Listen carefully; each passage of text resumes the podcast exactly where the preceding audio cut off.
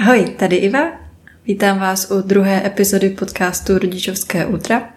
A dnes se podíváme na téma Nechci mě naštvat. Tak pojďme na to.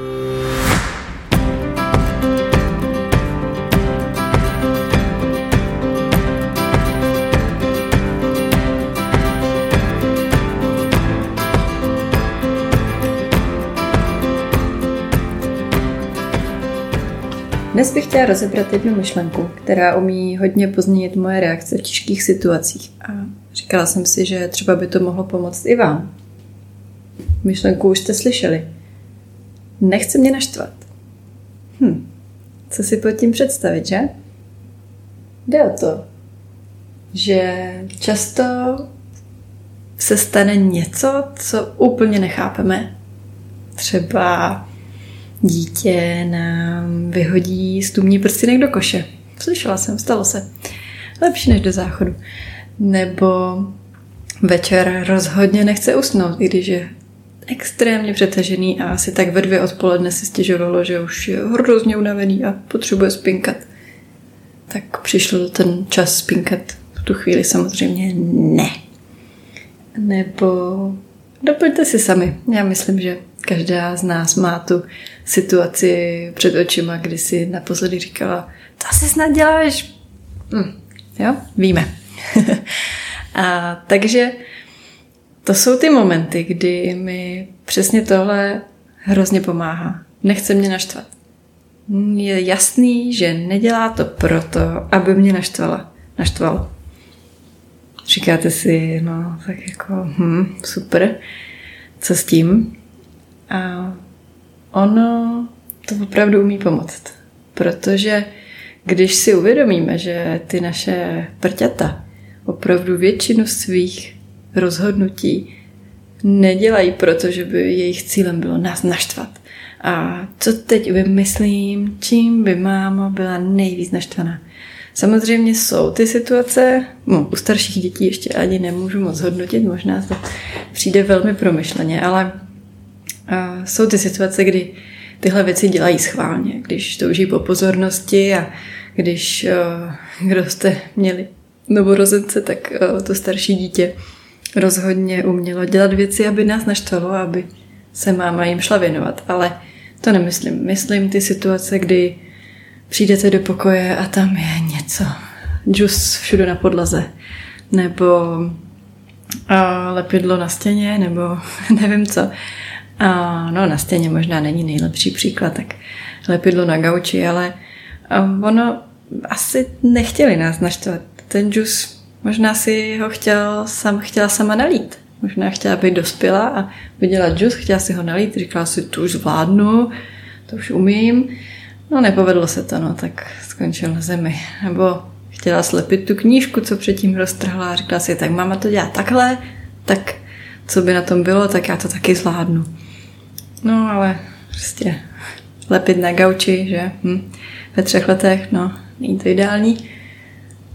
Ale všechny ty příklady nebyly o tom, že to dítě nás chtělo primárně naštvat. A když se na to podíváte z jejich pohledu, s tou empatií a s tím, že opravdu chcete vědět, proč to udělalo. Ne, ne že to na ně zařveme, proč to děláš, ale to, že se zkusíme zamyslet nad tím, proč to dělá asi to, tak eh, často dojdeme k nějaké odpovědi a dozvíme se vážně, proč to dělali a člověk se mnohem s nás potom ovládá, nevybouchne, má pochopení a, můžeme tu situaci řešit nějak dál.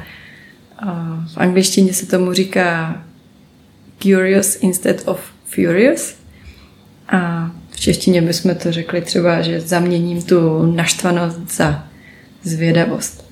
A musím říct, že minimálně mě to opravdu, opravdu pomáhá, otvírá oči. No a navíc, navíc se často dozvím věci, které by jinak všechny zůstaly spláchnutý za tím mým nadáváním nebo za tou výtkou toho, proč to děláš, když Maria, podívej se na to, teď budu muset všechno uklízet. Ale zjistím, že vlastně mě nechtěla rušit, nebo chtěla to zvládnout sama, nebo Já teda mluvím v ženském rodě, ale tak převeďte si sami. A vlastně, vlastně zjistíme, že ten úmysl byl hezký, jenom se toho nepovedlo, protože ta motorika tam ještě není, nebo ta znalost, zkušenost, cokoliv. Chtěla bych vám říct ještě jeden příklad z nedávné doby, kdy moje dcery spí, naše dcery, si poslouchám naše dcery, spí v jednom pokoji. A večer usínají spolu většinou, se to tak sejde, což je super. Jenom občas tím ta večerka malinko poskočí, protože holci toho potřebují ještě spoustu říct, nebo zaspívat, nebo se naučit, kdo ví. A ohnehda už bylo dost pozdě a moje nervy už byly dost napjatý, řekněme. Moje kapacita byla hodně nízko. Tak jsem se podívala na kameru, proč pořád ještě nespí. No a viděla jsem, že ta moje starší dcera, která už spí normálně ve velké posteli, tak bere plišáka té mal, manší z postýlky odnáší ho pryč. No a ta malá se vstekala. Říkám, Ježíši Kriste, proč jí to dělá? Tak má tam plišáka, má každá svýho, to, jí, to jí nemůže nechat na pokoji. Proč jí to dělá? Jo, a už jsem byla steklá, už jsem tam šla a jak jsem prostě tu kapacitu už neměla, tak jsem rozhodně nepoužila tady svoje curious instead of furious.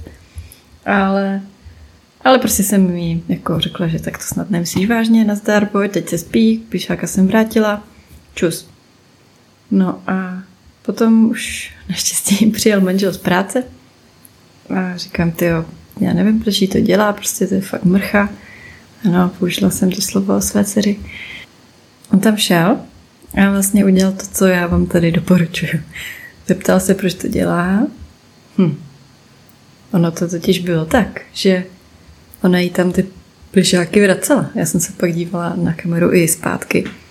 Opravdu to tak bylo, že ta mladší vždycky vyhodila plišáka ven, ta starší to viděla, tak jí to říkala si, ježiš, jí to vypadlo, šla zpátky, dala jí ho tam. No ale takhle se to stalo asi třikrát, tak ta starší řekla, hele, ještě jednou a už ti ho tam vracet nebudu. Jo, jo, naše nápodba, jen tak by the way, slyšela jsem se v tom. No a ona ho opravdu ještě jednou vyhodila, takže ona už ho vzala a odnesla ho na poličku, aby tam neležel na zemi. No a to byla ta část, kterou já jsem viděla, že? Takže jsem si z toho vyvodila tohle a moje reakce byla, jaká už víte. A moje dcera holci musela myslet, jak je to nespravedlivý, jak je to nefér. Vlastně ona byla na ní hodná, ona dělala všechno, jak nejlíp by věděla a ještě za to dostala.